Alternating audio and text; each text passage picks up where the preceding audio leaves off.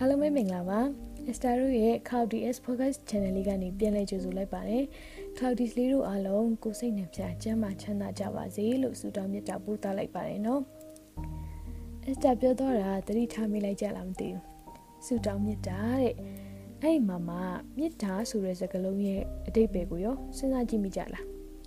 မြတ်တာတဲ့တိတ်ကိုတိမ်မွေးတဲ့စကားလုံးလေးပေါ့မြတ်တာကိုလေ မေတ္တာဟူသည်မိမိအကျိုးမမြောက်ကိုပဲကိုစိတ်နှပြကြီးပွားချမ်းသာပျော်ရွှင်သာယာဖို့ဆောင်ရွက်ပေးခြင်းသည်မေတ္တာတရားဖြစ်သည်ဆိုပြီးတော့အတိတ်ပဲဖွင့်ဆိုထားတယ်။အက်စတာလည်းမေတ္တာအကြောင်းကိုပိုသိချင်လာတာနဲ့လှန်လှောရှာဖွေလိုက်တော့မေတ္တာ၃မျိုးရှိတယ်တဲ့။တတော်အပေါင်းတို့ချမ်းသာကြောင်းအတွက်ကိုအားဖြင့်ဝိုင်းဝန်းဆောက်ရှောက်ကူညီပေးမှုကိုဖြင့်အယူတည်ပေးမှုကိုကာယကံမေတ္တာချစ်ခင်သောစိတ်ဓာတ်ဖြင့်နှုတ်ကမဆွပြောကြခြင်းကိုတော့ဝစီကံမေတ္တာ သူတို့ဟာအပေါင်းဘေးရန်ခတ်သိမ်းကင်းကြီးမှစေဆိုပြီးစိတ်ကအောက်မေ့ပွားများခြင်းကိုတော့မနောကမေတ္တာလို့ခေါ်တယ်တဲ့။ကာယကမေတ္တာဝစီကမေတ္တာမနောကမေတ္တာဆိုပြီးတော့မေတ္တာ၃မျိုးရှိတဲ့အကြောင်းကိုဖတ်ရတော့အက်စတာကြုံခဲ့ရတဲ့မျှဝေခွင့်ရခဲ့တဲ့မေတ္တာတွေအကြောင်းကိုစမ်းစစ်မိတယ်။အက်စတာတို့တောင်မော်ဒီတာမှာကဟင်းဒီဟင်းရွယ်ဝယ်ကိုဆိုလို့ရှိရင်တော်ယုံစည်းသွားကြကိုမလိုဘူး။ပလိုင်းလေးတွေလွဲပြီး ဒေတာထွက်ချန်ထွက်ဟင်းဒီဟင်းရွက်ရာဒီစားလေးတွေကိုတအိမ်ဝင်တအိမ်ထွက်လှည့်ရောင်းတက်တဲ့ဈေးတဲ့အန်ဒီကြီးရှိတယ်။သူတို့ကနေ့တိုင်းဒါမှမဟုတ်လို့ရှင်နှစ်ရက်တစ်ခါလောက်အမြဲလာလေးရှိတယ်။ဈေးတဲ့အများစုကတော့အမျိုးသမီးတွေပါ။ဒါပေမဲ့တမနဲ့ကြတော့အသက်60ကျော်80နီးပါးအရွယ်လောက်ရှိတဲ့အဖိုးကြီးတယောက်ကဈေးဝယ်အောင်မလားဆိုပြီးတော့လာမိတယ်။သူကတော့ထူးထူးခြားခြားဆလာအကြီးကိုပခုံးမှလွှဲထားတယ်။ အဲ့ဒီနေ့ကမိမိဝယ်လိုက်တာကမိမိဆိုင်ခင်းထဲမှာခူးလို့ရတဲ့ဟင်းသီးဟင်းရွက်တွေပါဒါနဲ့အက်စတာလည်းမိမိကိုမေးကြည့်တာပေါ့ဘာလို့ဝယ်လိုက်တာလဲလို့မိမိပြန်ဖြေတာကသူစောစောပြန်လို့ရတာပေါ့တမီးရဲ့တဲ့အဲ့ဒီဖိုးကြီးကနှစ်ပတ်တစ်ခါသုံးပတ်တစ်ခါလောက်ပဲလာလေးရှိတယ်မနေ့ကလည်းသူရောက်လာသေးတယ်လေဒီတစ်ခါသူ့စာလိုက်အကြီးထဲမှာပါလာတာကအခင်းထဲကလောလောလတ်လတ်နှုတ်လာပုံရတဲ့မှုန်နဲ့အာလူတွေပါ Max လေးတက်မထားတော့အာလူတွေဝင်ရင်မေမေက Max တက်ဖို့ပြောလိုက်တယ်။သူကမန်ဂရန်ကောက်တဲ့လက်ပြကကျိုးစုံနေတဲ့ Max ခန့်နွယ်နွယ်လေးတစ်ခု။ဒါနဲ့ပဲမေမေက Max အထုပ်သေးတစ်ထုပ်လက်ဆောင်ဆိုပြီးပေးလိုက်တယ်။သူကဝမ်းသာအရာနဲ့သူ့ဆာလာအကြီးကိုအောက်ချပြီးကြောက်လျှောက်တီးလက်ဆောင်ယူပါဆိုပြီးပြန်ပေးသွားလေရဲ့။တူမြစ်တာတူမာတဲ့။ဒါကတော့ကာယကမြစ်တာပေါ့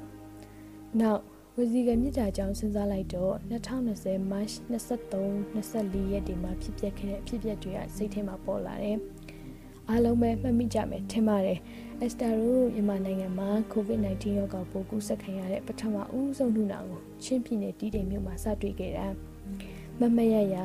တက္ကသိုလ်ကျောင်းသားကျောင်းသူတွေစောင့်ပွဲဖြစ်နေကြတဲ့အချိန်ပေါ့။ Esther ကအေးဝမရတဲ့အခါကောင်းကိုက်ပြီးဖျားတတ်တော့